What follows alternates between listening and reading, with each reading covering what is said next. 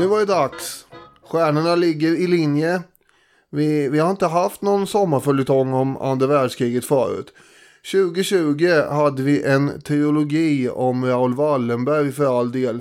Men ingen där just andra världskrigets strider, manövrer, offensiver, stridsvagnar och soldater har varit i fokus. Men nu i juli är det exakt 80 år sedan den stora tyska sommaroffensiven på östfronten 1943. Där på de eh, torra slätterna i gassande sommarsol var tusentals stridsvagnar och miljoner soldater indragna i en gastkramande dödsomfattning. Ofta omtalat som historiens största stridsvagnsslag. Slaget om Kursk. Det är inte bara att åtta decennier har gått sedan dess som gör det hela intressant. Under de här årtiondena har människan noggrant och med stor finess byggt upp organisationer för att förhindra och försvåra nya krig. Som FN, EU, nedrustningsavtal mellan supermakter, ekonomiska intressen som tvinnats samman mellan alla och en var. Och ändå, 80 år efter slagen om Charkov, Kursk, Belgorod och allt vad det heter så är de här slätterna och städerna åter stridshärjade i ett blodigt krig. Det är mycket som är annorlunda på ett rent politiskt plan förstås. Men om en soldat kunde teleportera sig från Kurskbågen sommaren 1943 till samma plats 80 år senare, 2023, så skulle den inte behöva röra sig många mil innan han stötte på fronten, precis som för 80 år sedan. Soldaten skulle inte bli förvånad över situationen. Den skulle snarare kännas hemtam och normal. Vilket förstås är djupt tragiskt. Men vi på Historiepodden är till övervägande del bakåtblickande och rykande inaktuella. Med sökljuset på allt som är begravt under trycket av tusentals dagar och miljontals timmar av dammande förflutenhet. Den här sommaren hamnar vi i gränstrakterna mellan Ukraina och Ryssland för 80 år sedan. Hoppa upp på Tigertanken och T34 med oss och rulla iväg. För nu bär det av mot Kursk.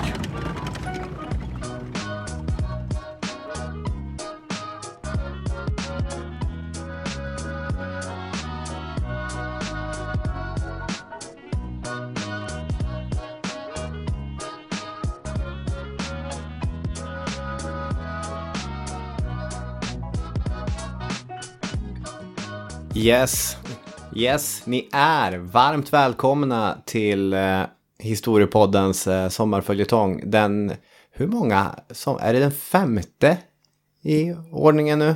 Vilken oerhörd glöd och energi du kommer in med här och väl researchat och allting. Vet jag precis lite- vad jag ska säga och bara fånga lyssnaren i steget och säger att nu är vi igång med den sjätte kanske? Jag blev lite förvånad över hur mycket ljud som gick in i mikrofonen här. Jag hörde mig själv så bra så jag blev lite, lite skraj. 2017 hade vi ju första Mm. följetongen med perserkrigen. Mm. Så då blir det här den sjätte följetongen. Och som du säger, inget andra världskrig, inte på riktigt i alla fall. Det är klart att Raoul Wallenbergs förhavanden är en viktig del av andra världskriget, men det är inte den traditionella historien om andra världskriget. Hur har det känts att förbereda de här avsnitten? Ja, det har ju varit spännande och kul förstås att eh, fördjupa sig i och sätta sig in i varenda liten manöver här. För så noga eh, har man ju inte djupdykt i just det här slaget tidigare och det är därför jag vill göra det. Samtidigt har man en lite så här rysk rosa elefant i rummet i och med att det här är en av Röda arméns eh, stora triumfer under andra världskriget och någonting som lyfts fram när man håller segerparader och liknande i Ryssland idag. Ja, så är det. I, i nutida solljus så blir ju, ja det här används ju som propaganda och så vidare förstås.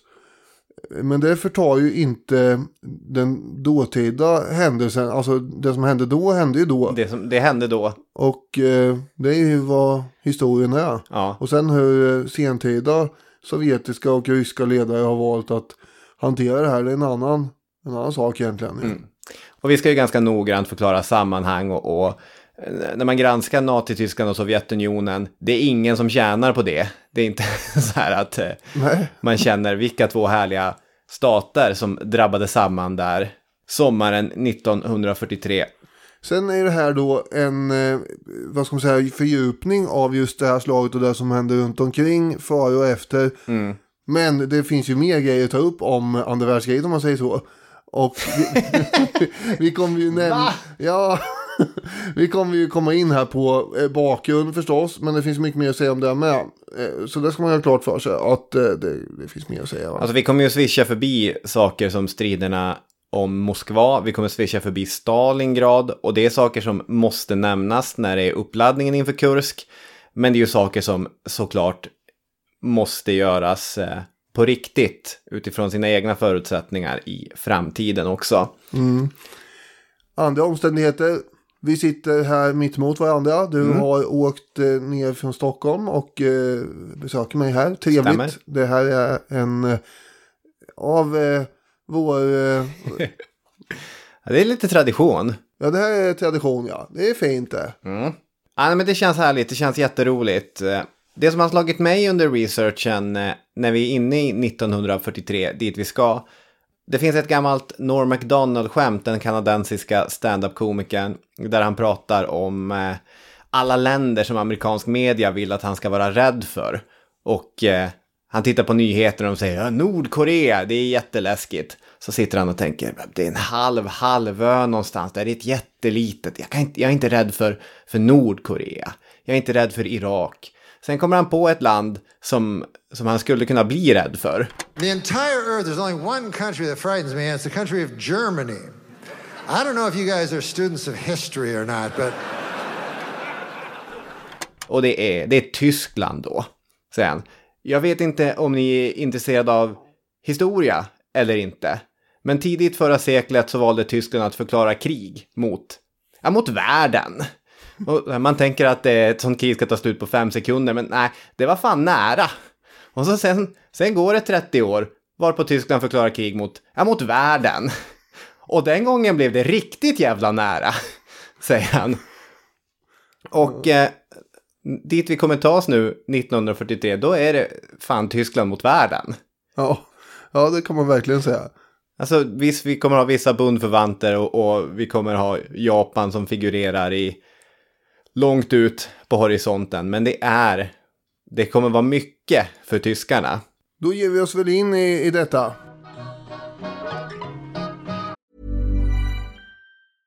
Ryan Reynolds here from Mint Mobile. With the price of just about everything going up during inflation, we thought we'd bring our prices down.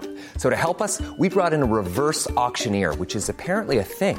Mint Mobile unlimited premium wireless. Ready to get 30, 30, bit to get 30, bit to get 20, 20, 20, bit to get 20, 20, bit to get 15, 15, 15, 15 just 15 bucks a month. So, Give it a try at mintmobile.com slash switch. $45 upfront for three months plus taxes and fees. Promo rate for new customers for limited time. Unlimited more than 40 gigabytes per month. Slows. Full terms at mintmobile.com. Wow. Nice. What you're hearing are the sounds of people everywhere putting on Bombas socks, underwear, and t-shirts made from absurdly soft materials that feel like plush clouds. Yeah, that plush. And the best part? For every item you purchase, Bombas donates another to someone facing homelessness. Bombas. Big comfort for everyone. Go to bombas.com slash ACAST and use code ACAST for 20% off your first purchase. That's bombas.com slash ACAST. Code ACAST. There's never been a faster or easier way to start your weight loss journey than with PlushCare. PlushCare accepts most insurance plans and gives you online access to board-certified physicians who can prescribe FDA-approved weight loss medications like Wigovi and Zepbound for those who qualify. Take charge of your health and speak with a board-certified physician about a weight loss plan that's right for you. Get started today at plushcare.com slash weight loss. That's plushcare.com slash weight loss. plushcare.com slash weight loss.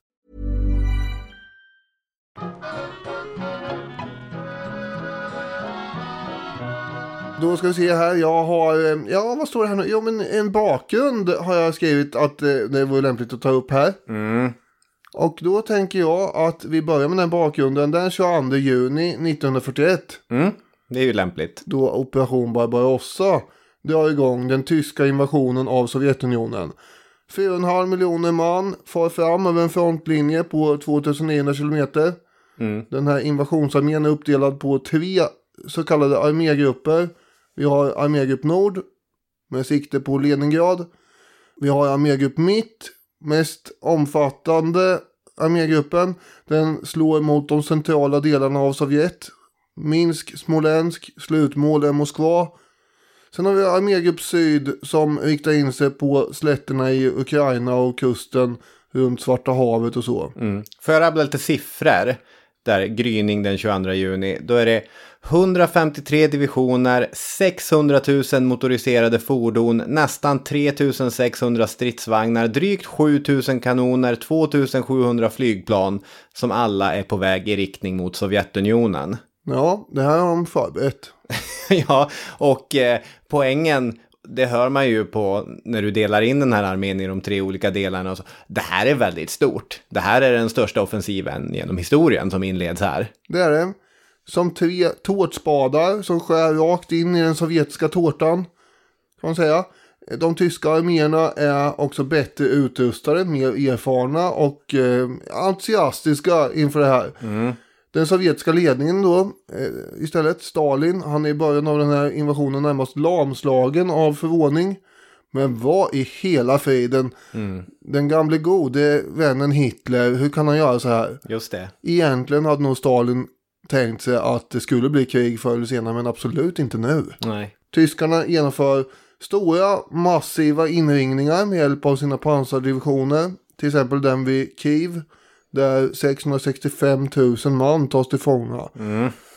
Och allt det här låter ju som eh, det är ett stort och imponerande och skräckinjagande maskineri. Och det är det ju. Men redan i slutet av 1941 så kommer invasionen att köra fast. Och det som istället framstår som imponerande av tyskarna i efterhand är ju att inte fronterna totalt kollapsar.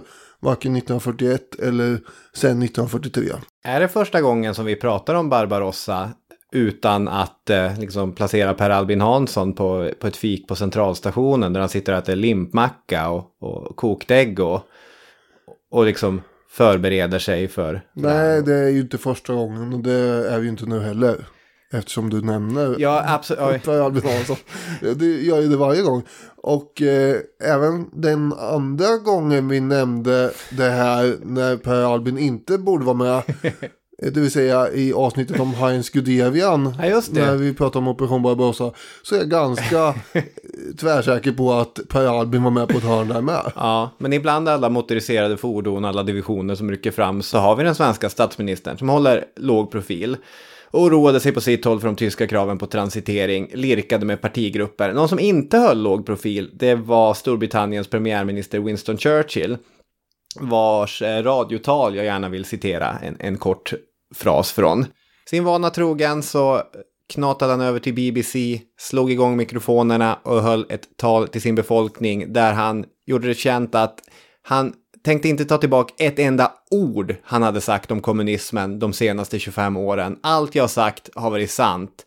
Men han erkände att inför det vi nu ska bevittna i öst så var citat förbrytelserna, dårskapen och tragedierna någonting som sjönk undan i jämförelse. The Nazi regime is indistinguishable from the worst features of communism. No one has been a more consistent opponent of communism than I have for the last 25 years. I will unsay no word that I've spoken about it.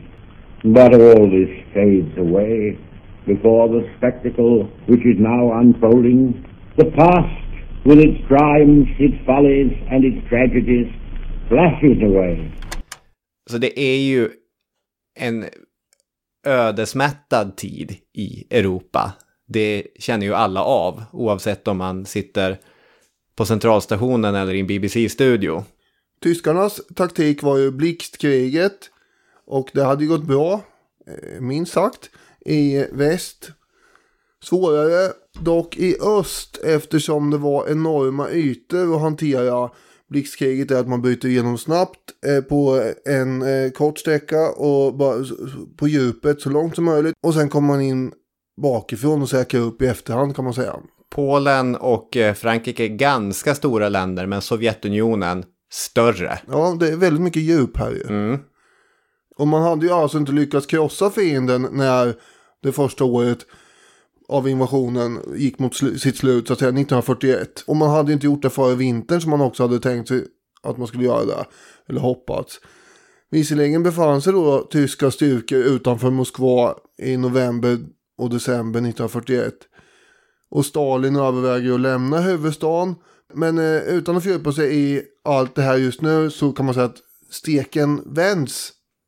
Och i sin svåraste och mörkaste stund som det här måste ha varit så börjar Stalin lyssna på sina militära befälhavare helt plötsligt. Mm. Och det var väl kanske i grevens tid. Mm. För det hade han ju inte gjort innan. Han hade ju... Mördat dem. Ja, det hade han ju också gjort, ja. Och eh, de han inte hade mördat hade han tvingat att eh, agera på det sätt som han tyckte var bäst. Det vill säga offensiv, offensiv, offensiv, Mm. offensiv. Alltså ryssarna var ju väldigt dåligt förberedda. I översiktsverk brukar man förklara det på följande sätt. Att den sovjetiska militära doktrinen hade varit, som du sa, enormt offensiv. Och inför Barbarossa hade man ställt upp sina förband som om det inte vore en defensiv insats man skulle hålla på med här. Alltså, det logiska skulle ju vara att försvara sitt land och sitt folk.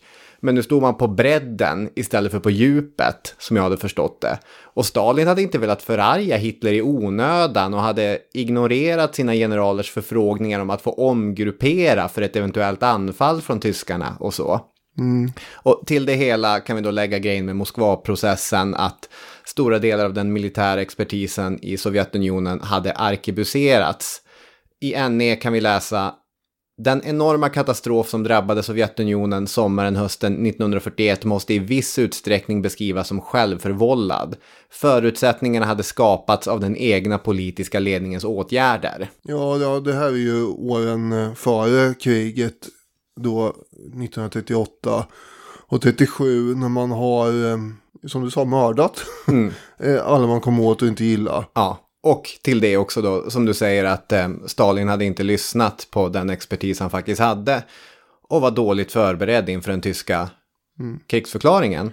Men nu låter han då generalen Georgij Tjukov ansvara för Moskvas försvar. Tjukov hade ju redan i februari 1941 blivit generalstabschef och under 1943 sen så kommer han få titeln marskalk, vilket är den högsta stiligt. och finaste titeln i Sovjet. Sjukov är ju en av andra världskrigets viktigaste och största militära karaktärer får man säga. Och eh, med trupper då som har förflyttats från östra Sovjet som i praktiken låg där som ett försvar mot ett eventuellt japanskt anfall så kan man då få ett övertag på tyskarna utanför Moskva. De hade ju inte räknat med de här trupperna för de visste ju inte att de fanns. Nej.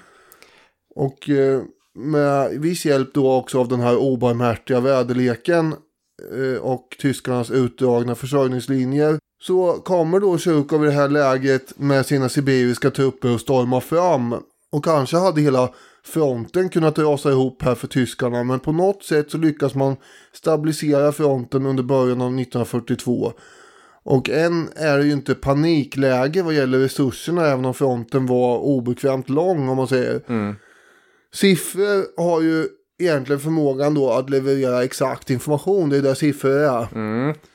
Men ibland så är det också svårt att greppa vad siffrorna representerar faktiskt. Ja. Att tyskarna i slaget vid Moskva förlorar mellan 250 och 400 000 man. eh, Det är ju det är svårfattat. Och med förlora så menar man ju inte att alla de dog då utan det är förluster. Alltså man kan vara sårad och försvunnen och allt möjligt. Men man är inte fit for fight. Nej, tagen ur bruk. Ja. Och Sovjet då istället mellan 600 000 och 1,2 miljoner man. Det här är svårfattat. Det är ju så många liv och bara under ett slag i kriget. Då kan man lägga till att över 55 000 fordon förstörs under slaget om Moskva och att 180 000 hästar stupar. Det räcker inte med 10 Waterloo-slag för att komma upp i de här siffrorna. Man skulle nästan behöva se, alltså, jag vet inte om det skulle hjälpa, men hur skulle 180 000 stupade hästar se ut? Mm, det är någonstans där man börjar eh, försöka måla upp en bild ja. Ja, Av någon anledning så räcker det inte med alla de här människorna och fordonen. Men när det kommer in hästar i bilden som ligger utspridda med Ja. benen i vädret. Då, det gör någonting med det. Jag håller med. ja, eh, så där har vi lite perspektiv. Jag har en bild som jag tycker hjälper mig också när Stalin börjar lyssna på sina generaler. Och det är Simon Seberg Montefiore som i sin Stalin-biografi återger en scen när Stalin är väldigt orolig för att Moskva ska falla. Tyskarna står sju mil ifrån Moskva och man ser lite förorter och så. Eh, och då lägger Stalin sin hand på Tjukovs axel och så säger han som bolsjevik tror du vi kommer hålla Moskva? Eller håller vi Moskva? Och Montefiore poängterar då att eh, när Stalin säger som bolsjevik, det är som en engelsman som säger som en gentleman. Alltså det är, nu är det på, på heder och samvete. Som bolsjevik Tjukov, håller vi det här? Ja, inte som general eller Nej. någon sån här professionell. Nej, det är två bolsjeviker mellan. Går det här vägen? Det vad svarar Tjukov då? Han svarar väl att det här det kommer gå. Det framgår inte av eh, vi får ju anta det. Montefiores han... återberättelse, men jag tänker att han, han nickar tyst, kanske.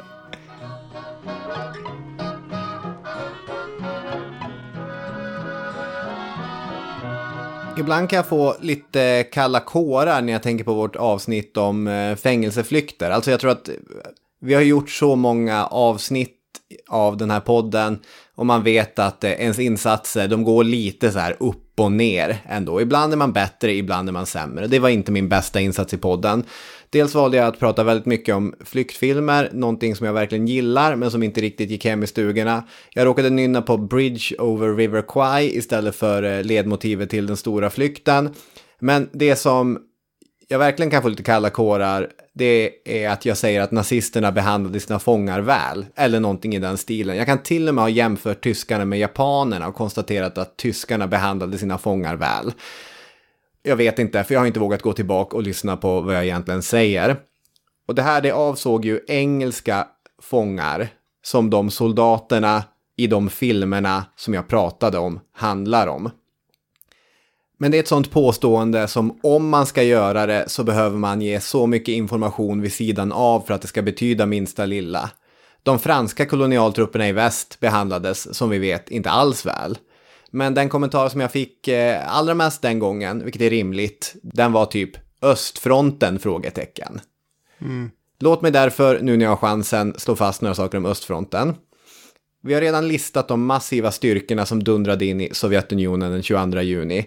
Kort därefter så kommer det ännu fler tyskar som dundrar in i Sovjetunionen. Joachim Fest, eh, en tysk författare, skriver i sin Hitlerbiografi om att det här var, citat, speciella kommandogrupper med det av Hitler redan 3 mars formulerade uppdraget att utrota den judisk-bolsjevistiska intelligentian, om möjligt redan i operationsområdet. Det var framförallt dessa kommando som redan från början gav uppgörelsen en prägel som saknade motstycke i historien. Och hur mycket fälttåget strategiskt än hängde samman med kriget i dess helhet, så var det dock till sin väsen och sin moral något helt nytt. Einsatzgruppen, det var tyska mobila specialenheter med bemanning från Waffen-SS, alltså militära SS-förband och Säkerhetspolisen. I det här avsnittet ska vi ta oss till våren och sommaren 1943 då den stora sammandrabbningen som de här avsnitten handlar om äger rum. Under perioden fram tills det kommer de här specialkommandorna alltså hinna med att döda 1,25 miljoner judar och hundratusentals Sovjetmedborgare till detta. För att östfronten var annorlunda. Det här var ett direkt resultat av Adolf Hitlers medvetna vilja att göra kriget i öst helt annorlunda.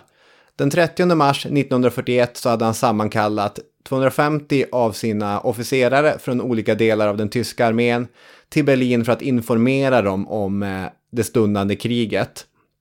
Det tal som han höll var två och en halv timme långt. Det är väldigt långt tal. Där känner man ändå att eh, Hitler skulle kunna kanske revidera sitt manus lite. Mm, men eh, det är ju ungefär bara hälften av den tid som Ceausescu brukar stå och mala. ja. Det är viktigt med jämförelser så att man har ett, sort, så man har ett sammanhang. Frans Halder, som då fortfarande verkade som chef för generalstaben, skrev efteråt i sin dagbok. Våra uppgifter gentemot Ryssland. Slå sönder försvaret, upplösa staten, kamp mellan två världsåskådningar, förintande omdöme om bolsjevismen, är som asocialt förbrytarväsende. Kommunismen oerhörd fara för framtiden.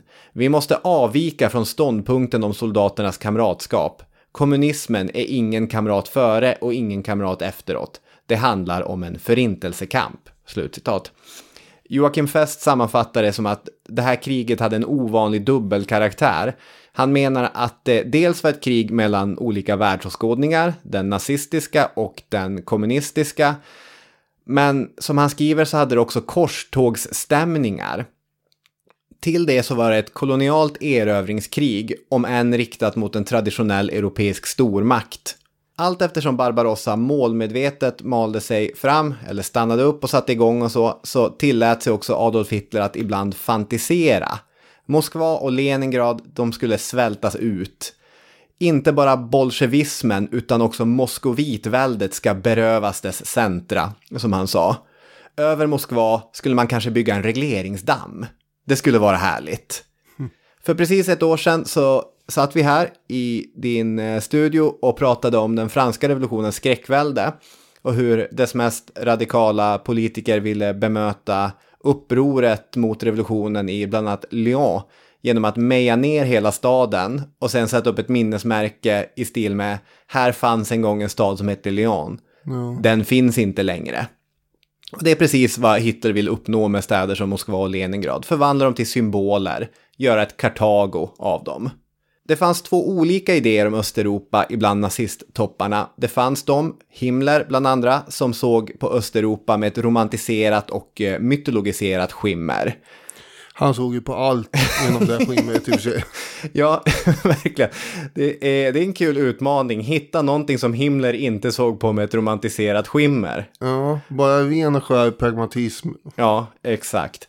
Hitler själv, på tal om ren och skär pragmatism, han var inget stort fan, utan han uttryckte det som att det endast är det rationella tänkandet som gör att vi expanderar österut i jakten på vårt Lebensraum, vårt livsrum. Citat, hellre går jag till fots till Flandern. Ryssland är ett fruktansvärt land, världens ände. Det är bara förnuftet som bjuder oss att gå mot öster. Jag har klippt rätt häftigt i det citatet för att liksom förkorta det. Vi har inte två och en halv timme. Han var lite mer. Han broderade ut det, men ni fattar andemeningen.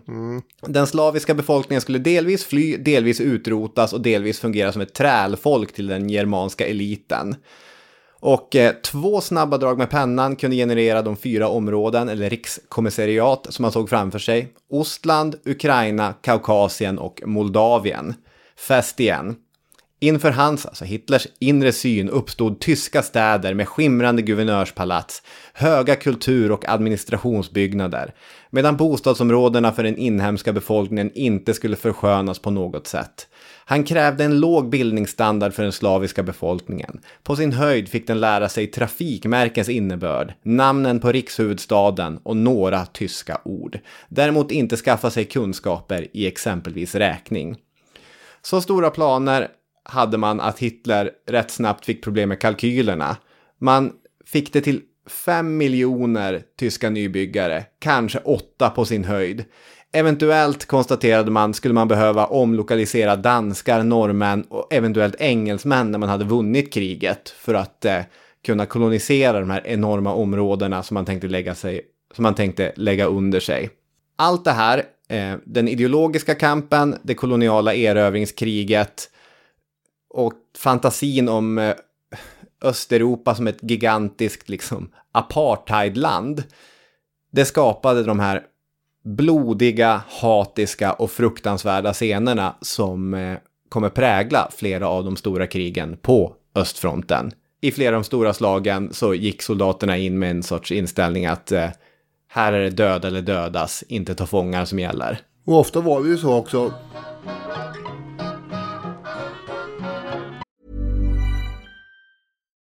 Millions of people have lost weight with personalized plans from Noom, like Evan, who can't stand salads and still lost 50 pounds. Salads, generally, for most people, are the easy button, right? For me, that wasn't an option.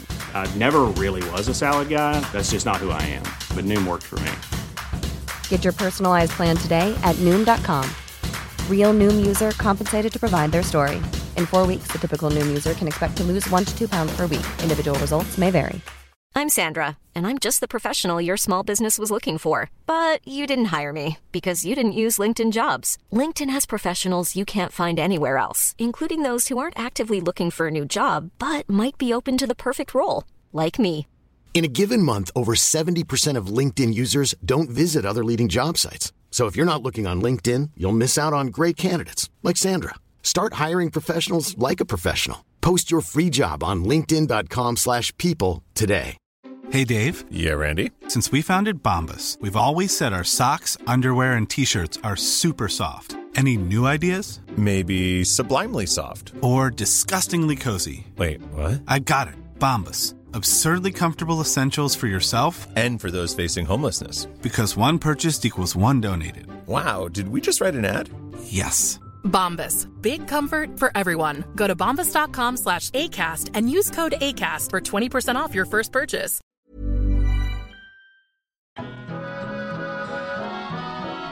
Under 1942 så gjorde ju inte tyskarna som eh, Stalin och hans generaler hade trott. De, eh, de antog att jaha, nu kommer det väl eh, ett nytt anfall mot Moskva här. Mm.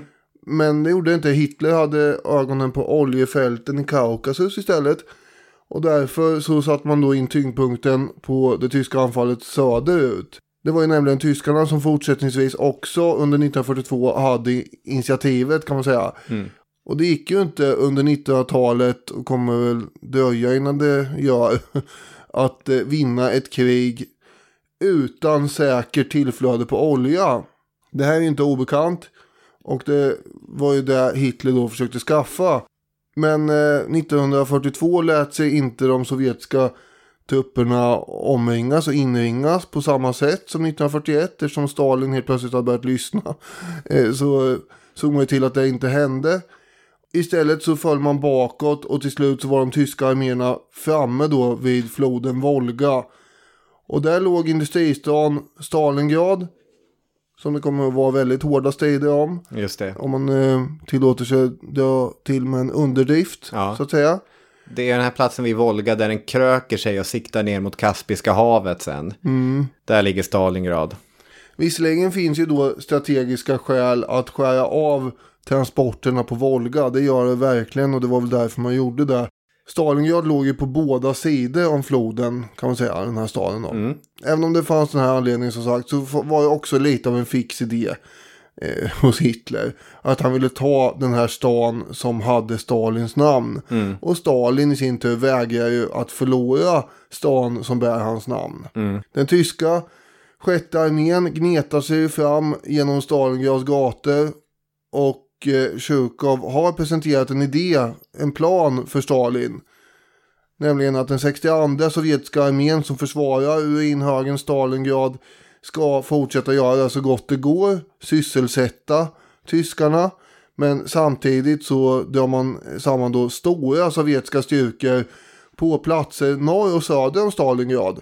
Och när tyskarna har kört fast i Stalingrad tillräckligt mycket då börjar deras flankförsvar att allt mer börja läggas Eh, på allierade trupper från Rumänien och Italien för att man behöver de tyska styrkorna att eh, göra den sista knuffen, sista knuffen, sista kampen för att ta stan Stalingrad. Och då, då måste man ju fortfarande upprätthålla det där flankförsvaret och då blir det rumäner och det blir italienare. Och det är de som Tjurkov tänker slå till mot med en enorm kniptångsmanöver för att ringa in den sjätte tyska armén i Stalingrad. Mm. Och Stalin han lyssnar väl på det här och eh, puffar på sin pipa och så och sådär. Och så kommer han med idén att de två anfallen kanske skulle eh, genomföras närmare Stalingrad än vad Tjurkov har föreslagit. För eh, Stalin har ju fortfarande idéer som han vill bolla va? Och Ja. det kan man göra när man... Två bolsjeviker emellan. Ja, precis.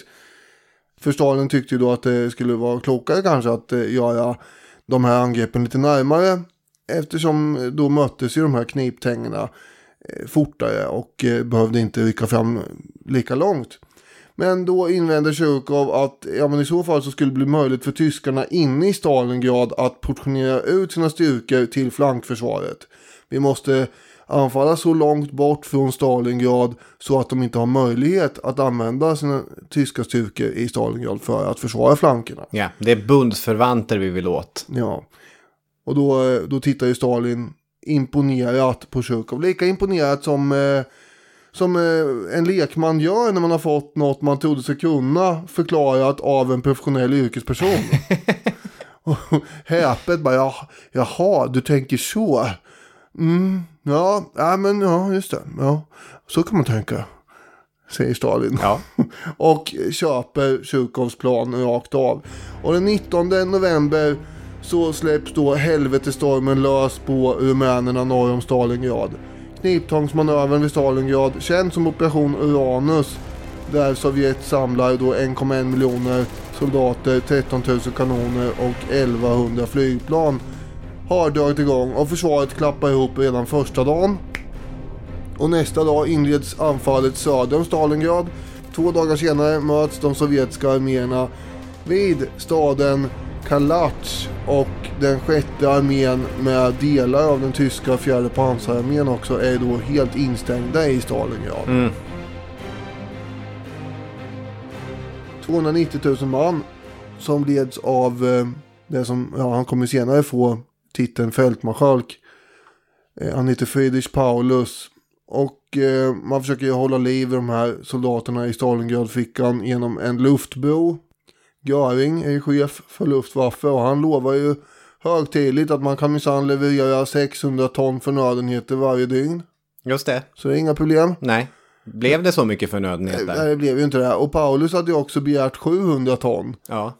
Men redan där sa eh, Göring typ att nej men det, det var 100 ton för mycket. Det Inte ens på pappret får jag Nej. det här att se bra ut. Nej, precis.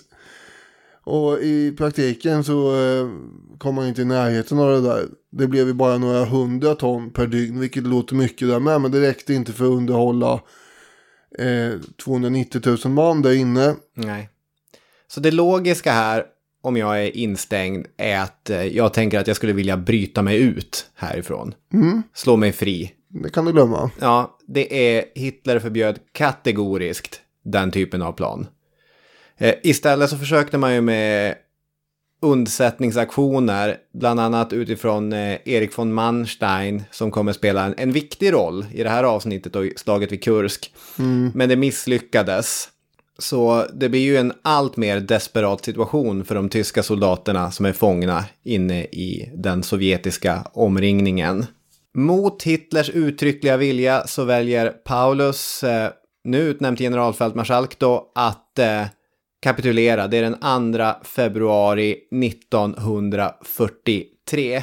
Det betyder att eh, 24 generaler och eh, cirka 90 000 tyska soldater gick i sovjetisk fångenskap. Mm. Och med tanke på hur många som blev instängda där, som jag sa, så hör man att det har gått åt lite folk Ja, de här precis. månaderna. Över 200 000 tyskar ligger stupade. Minst lika många sovjetiska soldater har också stupat i de här stridigheterna. Mm. Paulus hade ju fått en av de där segra eller dö-ordnarna som Hitler ibland delade ut. Han hade ju ungefär gjort samma sak vid El Alamein. Sagt att eh, det, det är mer ärorikt att eh, mot oddsen kriga vidare här. Men Paulus hade ju gett sig. Och jag har ett litet utdrag ur Hitlers lägesrapport som han håller i sitt högkvarter efter eh, Paulus kapitulation. Då säger Hitler, hur lätt har han inte gjort det för sig? Han borde skjuta sig så som fältherrarna förr störtade sig på svärdet när de såg att saken var förlorad. Det är en självklarhet. Till och med Varus hade befallt slavarna, döda mig nu. Så många människor måste dö och sen går en sån man och besudlar i sista minuten heroismen hos så många andra. Han kunde frälsa sig från allt trångmål och gå in i evigheten, i den nationella odödligheten och så går han hellre till Moskva. Hur kan det vara ett val? Det är verkligen någonting vanvettigt. Det verkar som att han ville ha ett eh, eget eh, Thermopyle. Ja, precis så. Han är i, i den här Thermopyle-referensen. Varus, det är ju då eh, Teutoburgerskogen. Mm. Och eh, den romerska nederlaget mot eh, germanerna där. Ja, precis. Och Varus var ju då den eh, fältherre som eh, stupade i Teutoburgerskogen. Men han nämner också Hitler alltså uttryckligen Thermopyle i Ja. eh, samma långa rada. Och så går han och förbannar sig själv över att han utsåg eh, Paulus till generalfältmarskalk. Han ville ju vara snäll med gubben och så, och så blev det så här. Och, och det ligger ju på mig. Det är bara jag som har ansvar för det. Hade det varit en dum idé att låta dem försöka göra ett eh, utfall samtidigt som Manstein angrep från andra hållet? Nej. Det hade kanske varit bättre. ja, med facit i hand. Sådär. Men det är mycket här som inte är helt eh, rationellt. För en annan aspekt om man nu är på östfronten och så, att samtidigt som det här pågår så har man ju också i, inom SS åtagit sig den slutgiltiga lösningen. Wannsee-konferensen är också i början av 1942 och samtidigt som man är involverad i alla krig överallt samtidigt. När man har enorma problem i Sovjetunionen så börjar man lägga större och större resurser på att försöka utrota alla europeiska judar. Så att det är, det är väldigt mycket som eh, Nazityskland här har tagit sig för. Många bollar i luften. Oh ja.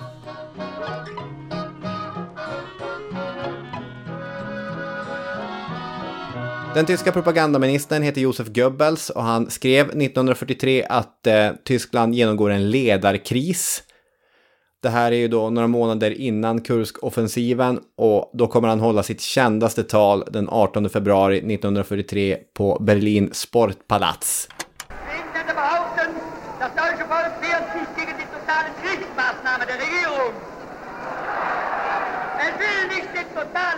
Där han kommer uppmana till det totala kriget. Där ställer han tio frågor och varje sån fråga är formulerad utifrån vad den engelska propagandan påstår. Engelsmännen säger si och så och så följer han det med att säga typ Är ni beslutna att följa fyren i vått och torrt mot segern? Och är ni villiga att även acceptera de tyngsta personliga bördorna? Och publiken hurrar, det, det är de. Är ni och det tyska folket beslutna att arbeta om fyren så beordrar 10, 12, om nödvändigt 14 timmar om dagen för att ge allt åt segern? De hurrar, de är beredda att jobba 14 timmar. Är ni redo att från och med nu ge all er kraft för att bistå östfronten med män och vapen som krävs för att ge bolsjevismen dess dödsstöt? Och absolut, det är de. Visst, delar av samhället stramades åt, teatrarna stängdes och så, men en mycket vanlig analys som jag har läst av det som Goebbels håller på med här, det är att han har två målgrupper som han vill väcka ur sin slummer. Dels är det SS och partiledningen som börjar leva ganska bekväma liv. Och Goebbels funderar, tror de på det här? Liksom, jobbar de så hårt som de borde? Var det hungern? De vill han gärna liksom rycka tag i kragen och skaka lite liv i. Men han verkar också vilja skaka liv i Hitler. Det är till exempel Joakim Fests analys att eh, någonting måste ske här. Ja, alltså man har ju inte gått in i kriget med 100% märkligt nog eh, vid det här laget. Utan Nej. det tickar ju på liksom eh, vardagen överallt. Man har inte ställt om industrin maximalt eller Nej. så. Det, det, det vardagslivet, den mysiga bekväma lunken bakom fronterna som är långt bort eh, pågår ju alltjämt. Mm. Och han har ju en poäng, Goebbels, i att det här, det här kommer inte funka. Nej. Och det var ju som sagt för ett år sedan när vi hade avsnitten om eh, franska revolutionen. I revolutionskrigen så införde man ju idén om totalt krig. Ja. Där man satte både barn och gamla på att eh, bidra på olika sätt. Det var att sy kläder och det var eh, fixa med vapen och allt möjligt. Allt, alla behövdes för att nu var det fullkomligt krig och hela samhället skulle ställas om till det. Det är ju det Goebbels vill göra med Tyskland nu. Exakt. Och det var inte en dag för tidigt egentligen då om man har tänkt sig vinna det här kriget. Nej. Men grejen var ju då att man hade ju den här synen på Sovjetunionen, eller Hitler hade, eh, att de var underlägsna och här är ju bara att eh, sparka in dörren så eh, kommer hela det ruttna bygget rasa ihop i den här berömda sägningen han har. Exakt. så att man behöver inte hålla på och besvära folk för mycket. Nej.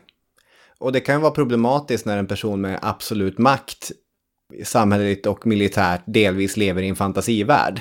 Ja, det kan vara ett problem. För alla älskar en vinnare och när Hitler hade vunnit, när hans arméer som en flodvåg sköljt fram över det Europa som nästan helt nu färglades med röda kriter på kartorna, ja, då hade det ju funkat ganska bra. Eller bra, då, då hade människor tagit hans order med ett försiktigt leende och så. Även samarbetet med den äldre tyska skolans officers, officerskår hade fungerat. Men när vågen nu började plocka upp lera, jord, blod och skit från östfronten och när vågen började falla ner över sig självt, då började också människor se på Hitler med lite andra ögon. Människorna i Hitlers närvaro började lägga märke till att han förändrades. Redan i februari 1942 så hade Goebbels konstaterat att ledaren framstod som starkt åldrad samt att han var allvarlig och tystlåten. Och just allvaret och tystlåtenheten, det var inte konstant utan det kom och gick. När vår och sommar 1942 eh, kom så beklagade sig Hitler över att han stod i en fight mot en andra klassens fiende. Halder igen, han konstaterade att Hitler ägnade sig åt sjukliga reaktioner på tillfälliga intryck samt det mest talande la till något allvarligt arbete kan man inte längre tala om. Och det låter inte så lovande då. Sen så utsåg ju Hitler sig själv till överbefälhavare. Fest citerar Hitler. Den lilla smulan operationsledning kan vem som helst klara. Uppgiften som åligger överbefälhavaren är att utbilda armén nationalsocialistiskt. Jag känner inte till någon general i armén som kan fylla den uppgiften som jag önskar. Alltså redan innan Stalingrad blev det ett tempel i vilket Hitler offrade sina soldater för sin egen fåfänga äras skull. Innan Stalingrad blev den prestigefantom som Feste kallar det, så hade Hitler börjat slira ordentligt. Och ju sämre det går i Stalingrad, desto mer beter han sig märkligt och desperat. Han visar sig inte längre ute, han äter ensam och egentligen har han bara schäferhunden Blondie som sällskap då. Kriget i öst hade liksom permanent tagit kontroll över hans tankar. Nordafrika, Medelhavet, byggandet av ubåtar, det låg honom inte lika nära som östfronten. 1943, då läggs bombmatta efter bombmatta över tyska städer. Hitler har jätteproblem, men han justerar aldrig målen eller förväntningarna därefter. Joakim Fest igen. Han ville stanna i Nordafrika, hålla Tunis, rycka fram i Algeriet, försvara Kreta, hålla 14 europeiska länder ockuperade, besegra Sovjet, England och USA och samtidigt ville han i de nu allt oftare framträdande uraffekterna säkerställa att den internationella judendomen avslöjades i hela dess demoniska farlighet. Några fronter besöker han inte och i en mycket känd episod som eh, till exempel tas upp i dokumentären Andra världskriget i färg så passerar hans tåg ett tåg med sårade veteraner på väg tillbaka från östfronten. Och när de kommer jämsides och eh, det förväntade från då deras ledare, de de har stridit för är väl att vinka eller liksom eh, visa uppmuntran. Men istället så beordrar Hitler att dra för persiennerna. För den där skiten klarar han inte av att titta på. Nej, de så, såg ju inte ut som eh, att de skulle ut på parad direkt. Nej, de var i ganska risigt skick. Så utifrån Hitlerbiografierna som jag har läst i så har jag slagit fast nio punkter. Inför våren 1943, hur mår Hitler? Nio punkter har vi ska igenom här. Ja, men många av dem går snabbt. Punkt ett, han är trött. Ja. Punkt två, han slutar lyssna på musik.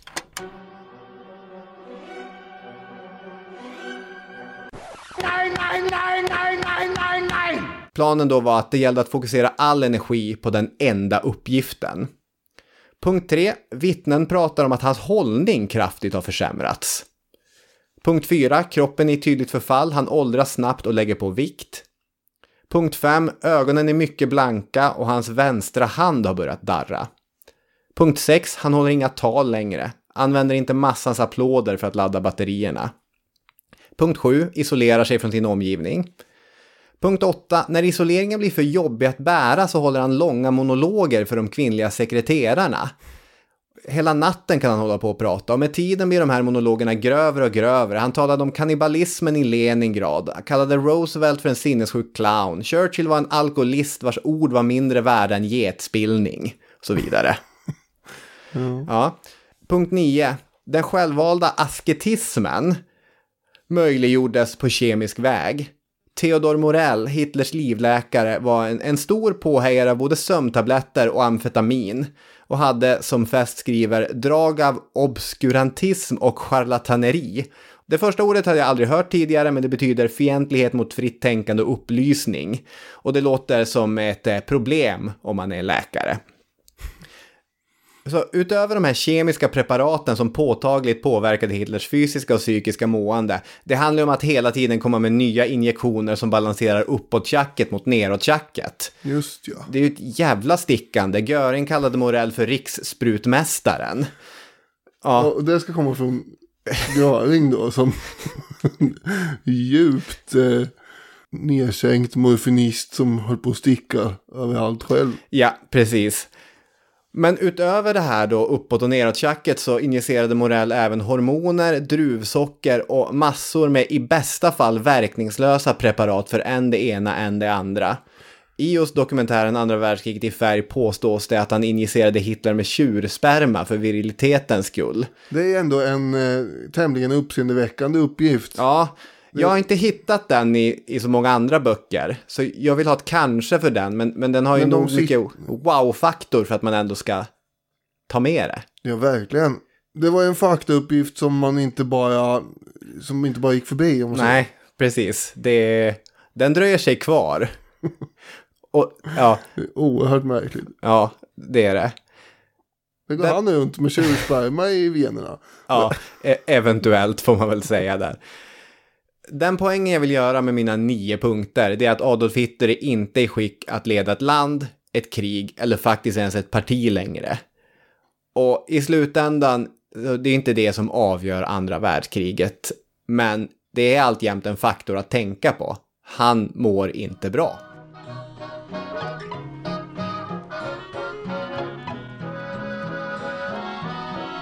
Allt det här som vi har dragit nu är utgångsläget inför vårvintern och våren 1943.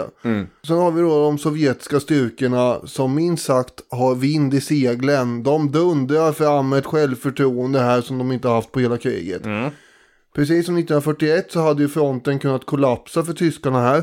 Men eh, Manstein han drar tillbaka sina styrkor i den så kallade armégrupp A från Kaukasus mer norrut så att eh, inte de här också blir instängda och isolerade som den i Stalingrad har blivit. Och i slutet av januari och början av februari så inleds storskaliga sovjetiska anfallsoperationer.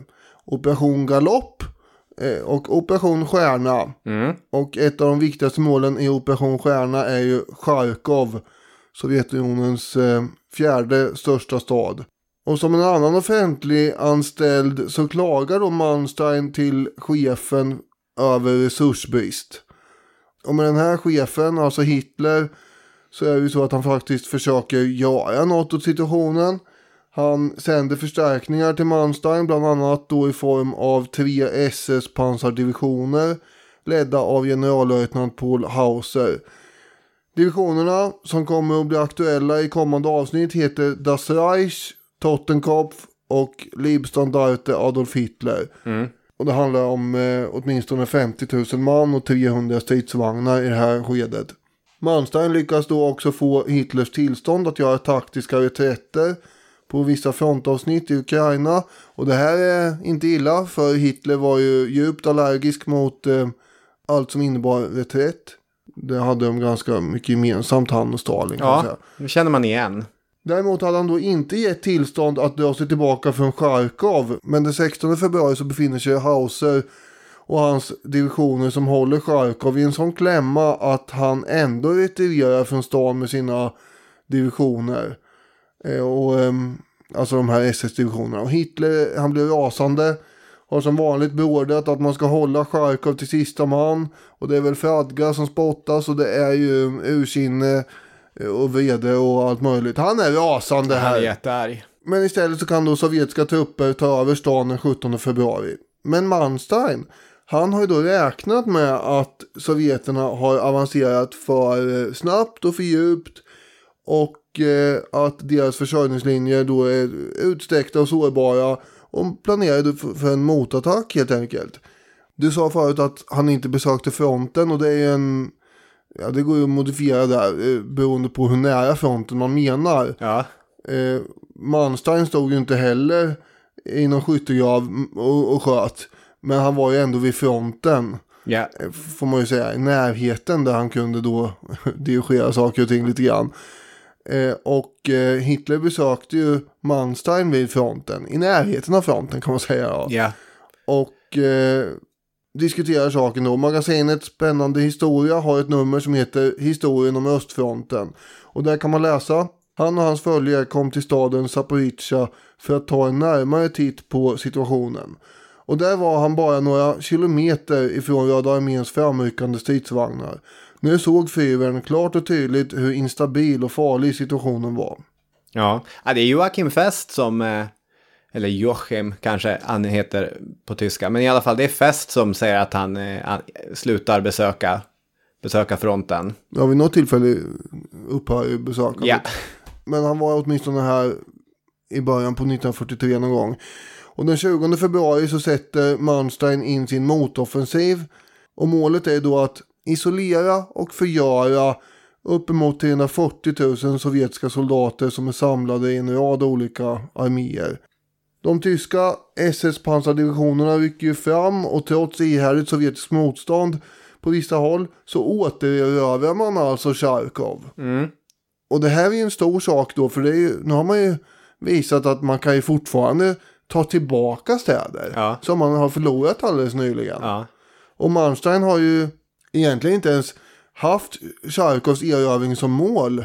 För han var lite orolig att det här kan ju bli ett nytt Stalingrad om vi liksom försöker ta det och så ska vi strida om varenda gata och sådär. Just det. Så han hade inte tänkt sig det och ändå blev det så eftersom Hauser och hans trupper, de här SS-divisionerna, de tyckte att nu är det våran tur att ha medvind och ville ta tillbaka de här, den här stan som de eh, bara alldeles nyligen hade tvingats överge. Och striderna om Charkov pågick i ungefär tre dygn från den 12 mars.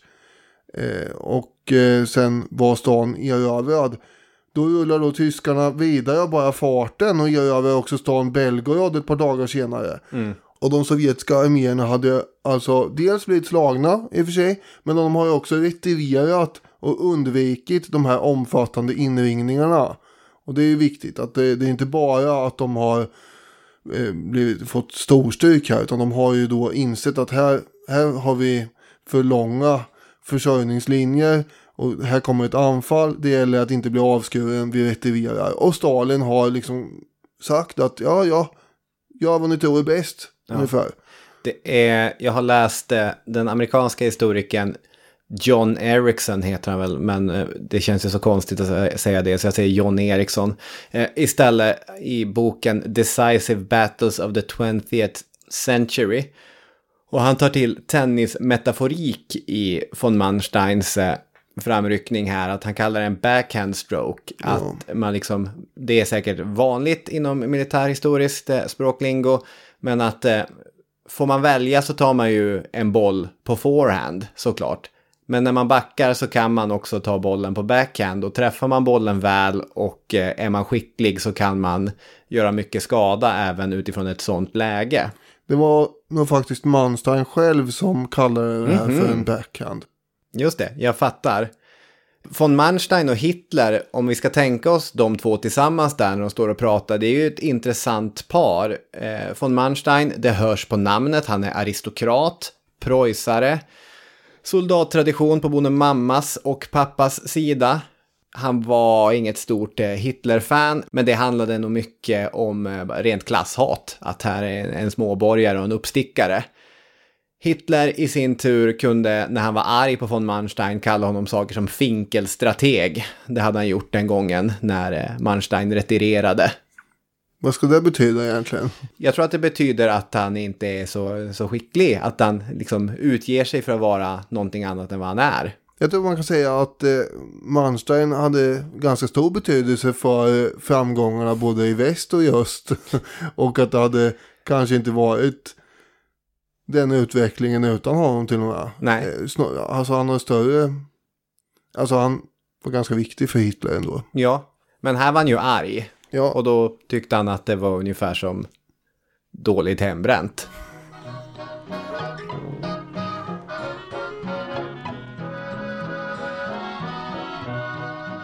När våren kommer här så går ju tjälen och marken och vägarna blir rena rama lervällingen. Och därmed så blir det ganska lugnt på östfronten under några månader. Båda sidor funderar under tiden på vad de ska hitta på härnäst. Jag tänkte att vi kunde lyfta blicken lite ovanför slagfältet här och dyka ner i familjelivets hemtrevliga och myspysiga värme. Närmare Hos bestämt- vem då? Jo, hemma hos en av de ledande personerna för alltihop under den här tiden då. Nämligen eh, familjen Stalin. Det var Stalin. Ja, jag tänkte att det var Stalin. Hur såg det ut där då, eh, de här dagarna i mars 1943? Jo, den kallhamrade cynikern Josef Stalin hade ju alltid haft ett kärleksfullt förhållningssätt till dottern Svetlana. Men nu hade Svetlana gått och blivit 16 år, skulle fylla 17. Och hon hade fallit för en filmproducent och eh, så. Han var manusförfattare, hette Alexej Kapler. Han var mycket, man kan säga mycket om honom, bland annat 23 år äldre än henne. Han var också världsvan, charmör, allmän kvinnokar och så. Men feg, det var han ju inte. Möjligen korkad.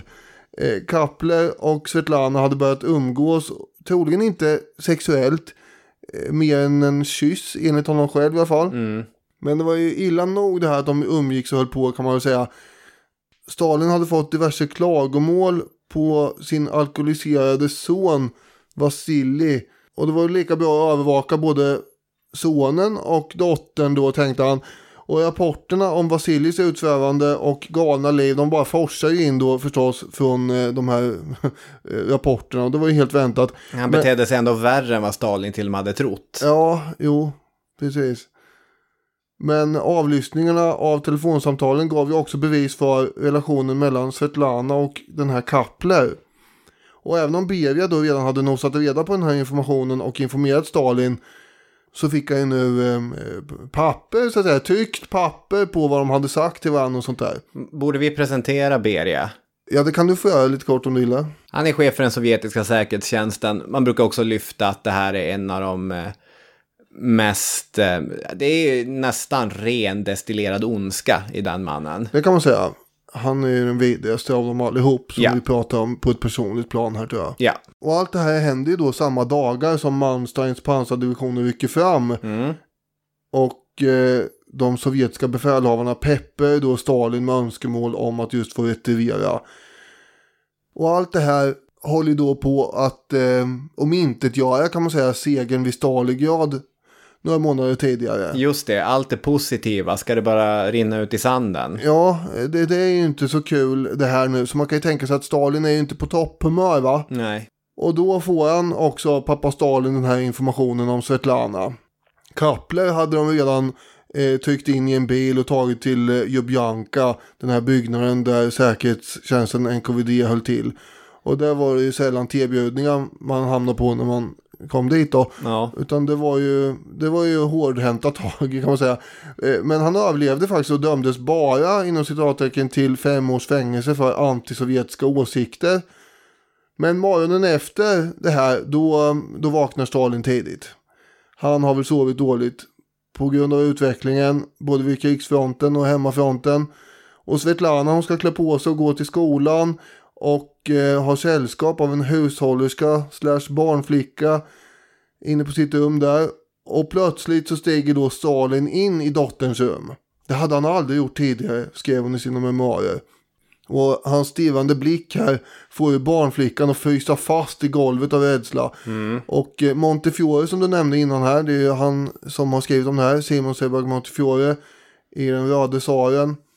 Han återger ju då replikerna som han har citerat i det här citatet som jag kommer med nu. Det våldsamma georgiska raseriet fick honom nästan att kvävas och han kunde knappt få fram ett ord. Var är de? Var är de? spottade han. Var är alla de där breven från din författare? Jag känner till hela historien. Jag har alla dina telefonsamtal här. Han knackade på jackfickan. Se så, hit med dem. Din Kapler är en engelsk spion. Han är gripen. Svetlana lämnade ifrån sig Kaplers brev och manuskript. Men ropade samtidigt. Men jag älskar honom. Älskar! Tjöt Stalin. Som eh, om han vore hatisk mot själva ordet. Och för första gången i mitt liv gav han henne ett par örfilar. Rätt över kinden. Så vände han sig mot barnflickan. tänka sig hur lågt har hon inte sjunkit. Medan detta krig pågår för fullt ägnar hon sig åt knullerier. Det är, det är Ja. jävla ordval. Ja, verkligen. Och sen då så satte han sig för att läsa de här breven. Och utbröt då och då i någon form av eh, utfall mot att Karl inte ens kunde skriva ryska. För Stalin är ju allt det här också extra bedrövligt på något sätt. Att en komponent i eländet är ju att Kapler var ju jude också. Men Montefiore skriver också vidare här. Detta brukar lyftas fram som bevis för Stalins brutalitet. Men inte heller i våra dagar skulle en förälder bli glad om hans eller hennes dotter i skolåldern blev förförd som han trodde. Särskilt inte av en gift medelålders playboy. Därtill var Stalin en traditionell georgier uppfostrad i 1800-talets pryda moral. Ja, alltså man förstår ju ändå att Stalin är förbannad. Ändå på något sätt väl. Ja. Eh, men eh, ja, det, det konstiga är ju att den här Kapler tar sig igenom hela historien med livet i behåll faktiskt. Ja, det, är, det är otippat. Och det är ännu ett sånt här exempel på vad mycket som försiggår i en, eh, i en människas huvud. För i de rent militärhistoriska verken, det tas ju inte Svetlana upp. Nej, hon är inte aktuell där då, men... Och det påverkar väl kanske inte heller Stalin, eller så gör det det, jag vet inte. Men jag tycker att det ger en, en hel och fullödig bild när man vet att utöver att ha den här motoffensiven i Charkov och eh, känna att kriget kanske rinner en ur händerna, att man också är arg och orolig över familjen. Ja, det, jag tycker med att det ger en, eh, en extra, vad ska man säga, pusselbit i hela bilden och det är därför jag tar upp det här Ja. nu. För att det händer ju samtidigt. Så vi har alltså Stalin som, som är arg och som läser brev och som svär över hur dålig ryska de är skriven på. Och vi har Hitler som balanserar uppåt och neråt tjacket med tjursperma liksom. Ja, just det. Där har vi hela eh, kartan eh, kan man säga. Ja.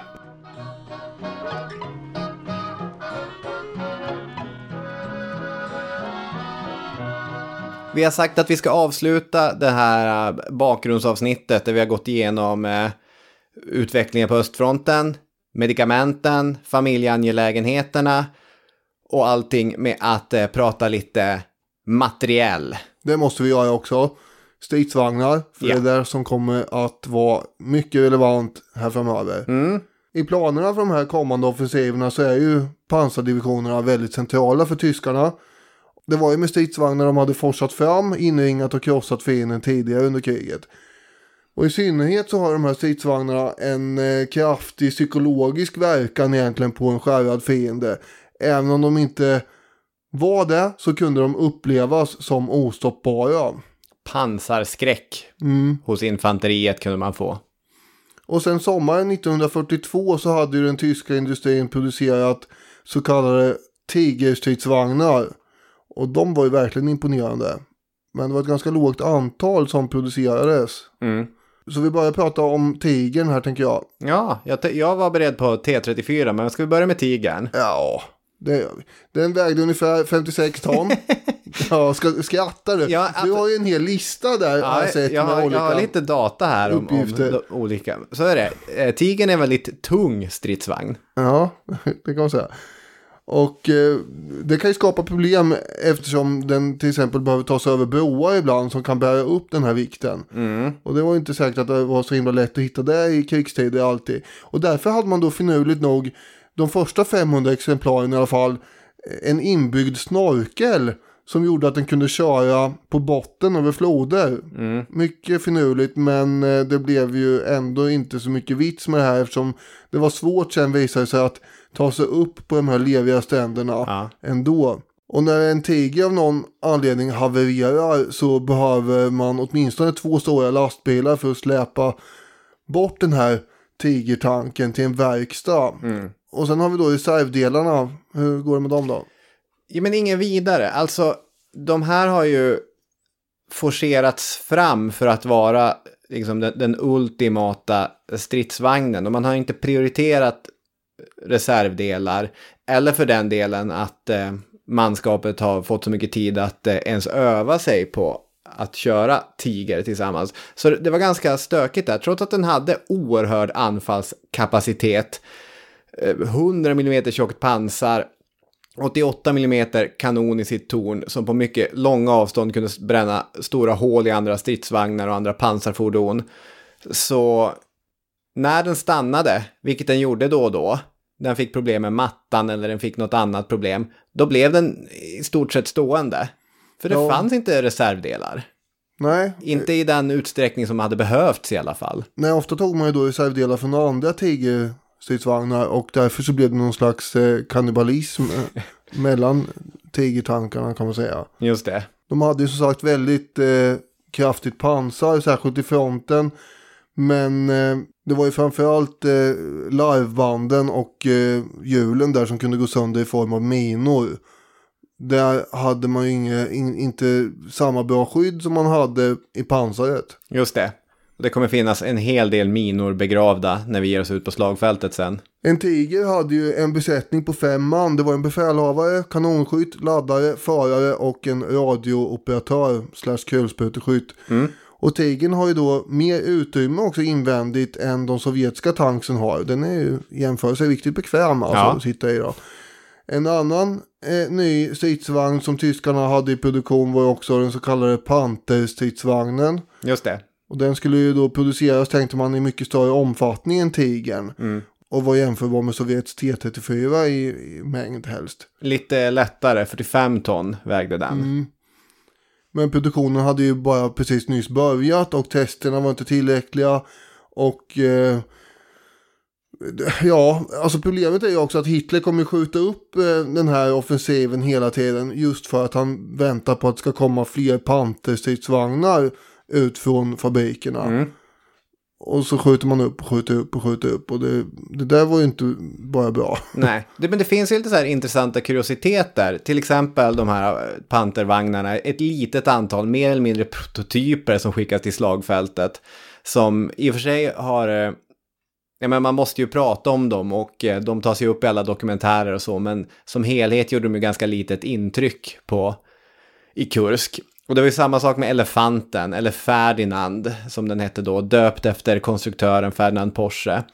Eh, 90 sådana eh, vagnar var med i, i Kursk. Och, och det är då, den kom senare att kallas för elefanten eftersom den ser ut som en elefant. Det är en jättekonstig, eh, ett jättekonstigt pansarfordon med en jättestor kanon på. Mm. Eh, inte ens någon kulspruta så att liksom eh, ryskt infanteri var inte ens speciellt rädd för den. Inte ens pansarskräck framkallar den. Ska Nej. Hitler ha vrålat. Nej, så då är vi alltså, eh, det är varken tigrar eller pantrar som eh, tyskarna har mest av i Kursk. Nej. Även om eh, de har en del tigrar och pantrar så är Ja. det inte det den stora mängden stridsvagnar utan det är ju de eh, gamla hedliga, kanske framförallt gamla, eh, Panzer 3 och Panzer 4 stridsvagnarna. Ja. Och Panzer 4 var ju den stridsvagn som var vanligast i tyska armén generellt. Den gjorde ju vad den skulle kan man säga, men eh, det var ju inte en tiger. Nej. För en bra besättning i en enda tigerstridsvagn kunde ju faktiskt slå ut över hundra fientliga stridsvagnar. Mm. Och det kanske man inte gjorde i en Panzer. Det låter ju helt otroligt här men det var inte ovanligt alltså. Eftersom den kunde skjuta på så mycket längre håll än andra stridsvagnarna. Just det. Sen har vi då de sovjetiska tanksen. Sovjet hade ju då sin första femårsplan 1929 och då hade man satsat en hel del på militärindustrin. Bland eh, den sovjetiska ledningen så fanns ju en ständigt gnagande känsla på 1930-talet att det här kommer ju inte hålla i längden.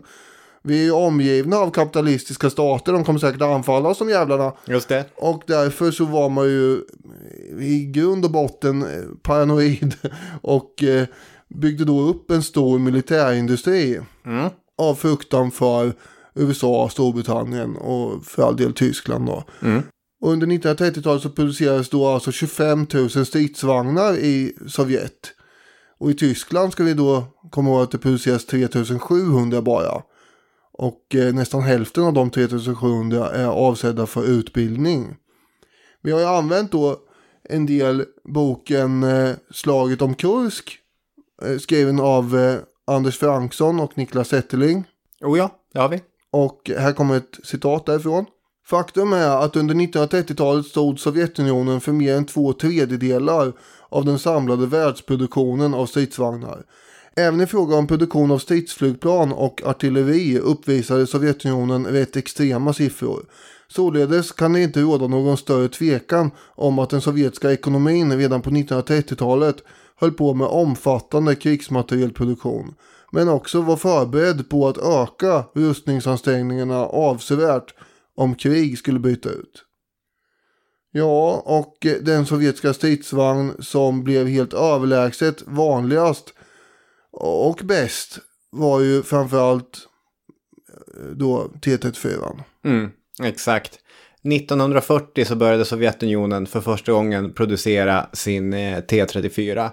Och den hade vissa väldigt tydliga fördelar, kanske framförallt eh, produktionstekniska sådana. Den gick snabbt att producera och den kunde hyfsat enkelt repareras i fält. Där har vi ju motsatsen till Tigertanken Mm. som eh, tog lång tid att producera i jämförelse med T34 och som var svår att reparera i fält. T34 hade en kanon om 76 mm eh, Mhm. men skulle efter Kursk få en större kanon om eh, 85 mm. Det var väl det var ju efter att man hade sett vad de eh, tyska tigertankarnas större kanoner kunde ställa till med för problem.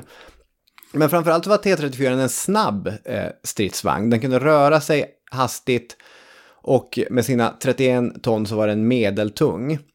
Den hade också bättre pansar Mm. och bättre beväpning än eh, tyskarnas eh, Panzer 4. Så det är ju en bra stridsvagn. Ja, och eh, alltså framförallt under 41 och 42 så hade den ju gjort eh, stor skillnad för Sovjetunionen på östfronten. Mm. När den hade rullat fram där.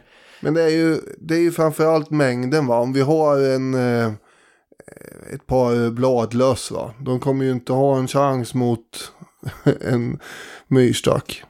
Nej, så är det ju. Bladlöss är ju ganska duktiga på att eh, själv bli väldigt många väldigt snabbt. Så trots att jag kommer där med mina nypor och där har jag en och där har jag en, där har jag en. Lika fullt så är det ju hundra miljoner andra bladlös på spenaten. Jag får ju sitta och nypa bladlös tills jag liksom... Men kan du hjälpa mig att komma med några andra, vad ska man säga, botaniska är vi inte men eh, insektsjämförelser då? Jag, tänker att här är jag tigertanken eller här är jag vad jag nu är och eh, myrorna eller bladlössen är T34. Att det är liksom, Ja. jag, jag, jag drunknar mot det här. Jag kan inte nypa nog många eh, bladlöss utan spenaten kommer bli uppäten till sist. Ja. Ja, produktionshastigheten, den var ju positiv. Det blir ju många bladlöss, många myror, många stridsvagnar. Mm. Men eh, det innebar ju också att, man ska inte säga att man slarvade med saker och ting, men man rationaliserade ju. Innanmätet var ju rent stål och det splittrades helt om dess pansar förstördes. Så liksom om du blev träffad och eh, pansaret inte höll, då, då var det fara och färde in i en T34. Då flög splitter fram och tillbaka. Stålflis i ögonen om man säger så. Ja, precis. De tyska stridsvagnarna, de var lackade på något sätt på, på insidan så att de hade mycket bättre eh, förutsättningar där. T34 hade också andra problem. Varje vagn bemannades av fyra män, även en del kvinnor faktiskt, där uppdragen löd enligt följande. Person 1, förare och mekaniker. Mm. Person 2, kulspruteskytt och radiooperatör om radioutrustning fanns eh, monterad, vilket i, i regel bara fanns på en T34 i varje division eller kompani eller hur man nu hade organiserat dem. Person 3 var laddare eh, och person 4 var befälhavare. Och här läser jag från magasinet Spännande historia. Va, varför måste den heta Spännande historia? Det är, för det är en ganska bra artikel eh, om de här. Ja, Men det är... Alltså det, de tänker väl att det ska hitta något populär historia upptaget. Världens historia upptaget.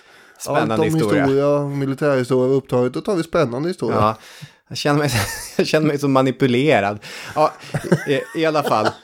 Med radion placerad till höger om kulsprutan på skrovet, medan befälhavaren satt i tornet, förlitade sig den externa kommunikatören på att radiooperatören förmedlade information och order till befälhavaren över en telefon av dålig kvalitet. Men vagnens befälhavare skötte också kanonen, en viktig uppgift som självklart gjorde att han blev sämre befälhavare. Så att alla satt obekvämt i den här trånga vagnen och hade liksom lite för många uppdrag som inte hjälpte varandra att utföra. Det hände också att laddarna, som har en väldigt viktig roll på stridsvagnen eftersom det är de som ser till att kanonen har saker att skjuta, de tuppade av eh, på grund av rökförgiftning eftersom fläkten som skulle ventilera vagnen var dumt placerad. Ja, det här tänkte jag eh, ta upp också då utifrån den här eh, artikeln i tidningen. Spännande historia. ja, exakt. Eh, ja, det är ju uppseendeväckande. Det är sällan man ser det i Arbetsmiljöverkets protokoll över tillbud va? Nej. Margit, nu, nu har vi fått ett fall av akutröksförgiftning här igen. Tittar du på det? det, ja, det, ja, i och för sig, det kanske förekommer i Ukraina nu för tiden igen, jag vet inte. Men eh, de har väl placerat fläktarna bättre nu för tiden än vad de gjorde på 40-talet. Man hoppas det. Ett annat stort problem eh, med T34 var att det var svårt att se ut ur vagnen. Ja, det är ett stort problem. Ja, så eh, ibland tyska soldater så kunde man ibland eh, säga att T34 var blind. Och när tornet svängde runt så fanns det ju då delar inne i stridsvagnen som också rörde sig. Så om man inte var beredd då så kunde man ju få något som, i huvudet som slog ut den liksom själv Ja. där inne. Så gällde det att ducka och hålla på. Ja, Men bortsett från allt det här så var, så var T34 faktiskt effektiv ju. ja, Ibland pratas det ju om begreppet prisvärd också. Inte- Inte just eh, i T34-sammanhang kanske, men får så sjukt mycket T34 för pengarna. när man köper eh, grönsaker och dylikt. Och, och det här är ju prisvärt kan Ja. man säga.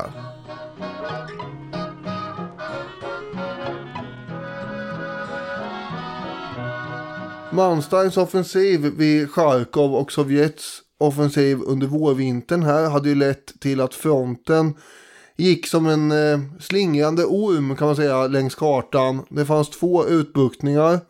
En sovjetisk utbuktning med staden Kursk i mitten och lite norr därom en tysk utbuktning med staden Avjol i mitten. Således kallas de här utbuktningarna kan man säga för Kurskbågen och Avjolbågen. Just det. Och eh, Kurskbågen är 150 km bred. Och både Hitler och andra i den tyska militärledningen sitter ju och tänker då att det vore en lämplig sak att stänga igen den där Kurskbågens utbuktning helt enkelt. Jämna till fronten genom ett angrepp mot Kursk från norr och söder. Och de sovjetiska arméer som blev instängda där skulle man sen då kunna kriga ihjäl om de inte ville kapitulera. Och eh, den här operationen som man till slut kom fram till att man skulle genomföra fick då namnet Citadel. Och hur tyskarna planerar och resonerar för den och hur Sovjet funderar och agerar kring det här. Eh, det är sånt som vi kommer att prata om nästa vecka. Det kommer vi göra. Kurskbågen på, i den engelska historieskrivningen har så vackert namn. Det är The Kursk Salient. Poetiskt. Däremot är det inget speciellt poetiskt slag som vi börjar närma oss. Men eh, mycket, mycket intressant. Och om det får ni höra allt nästa söndag.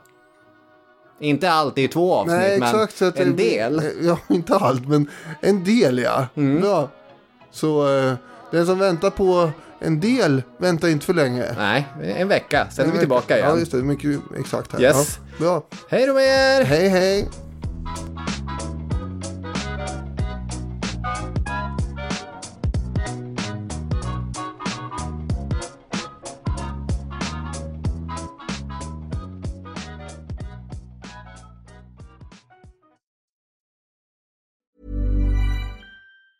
Hi, I'm Daniel, founder of Pretty Litter. Did you know cats tend to hide symptoms of sickness and pain? I learned this the hard way after losing my cat, Gingy. So I created Pretty Litter, a health monitoring litter that helps detect early signs of illness by changing colors, saving you money and potentially your cat's life. Pretty Litter is veterinarian developed, and it's the easiest way to keep tabs on your fur baby's health right at home. Go to prettylitter.com and use code ACAST for 20% off your first order and a free cat toy. Terms and conditions apply. See site for details.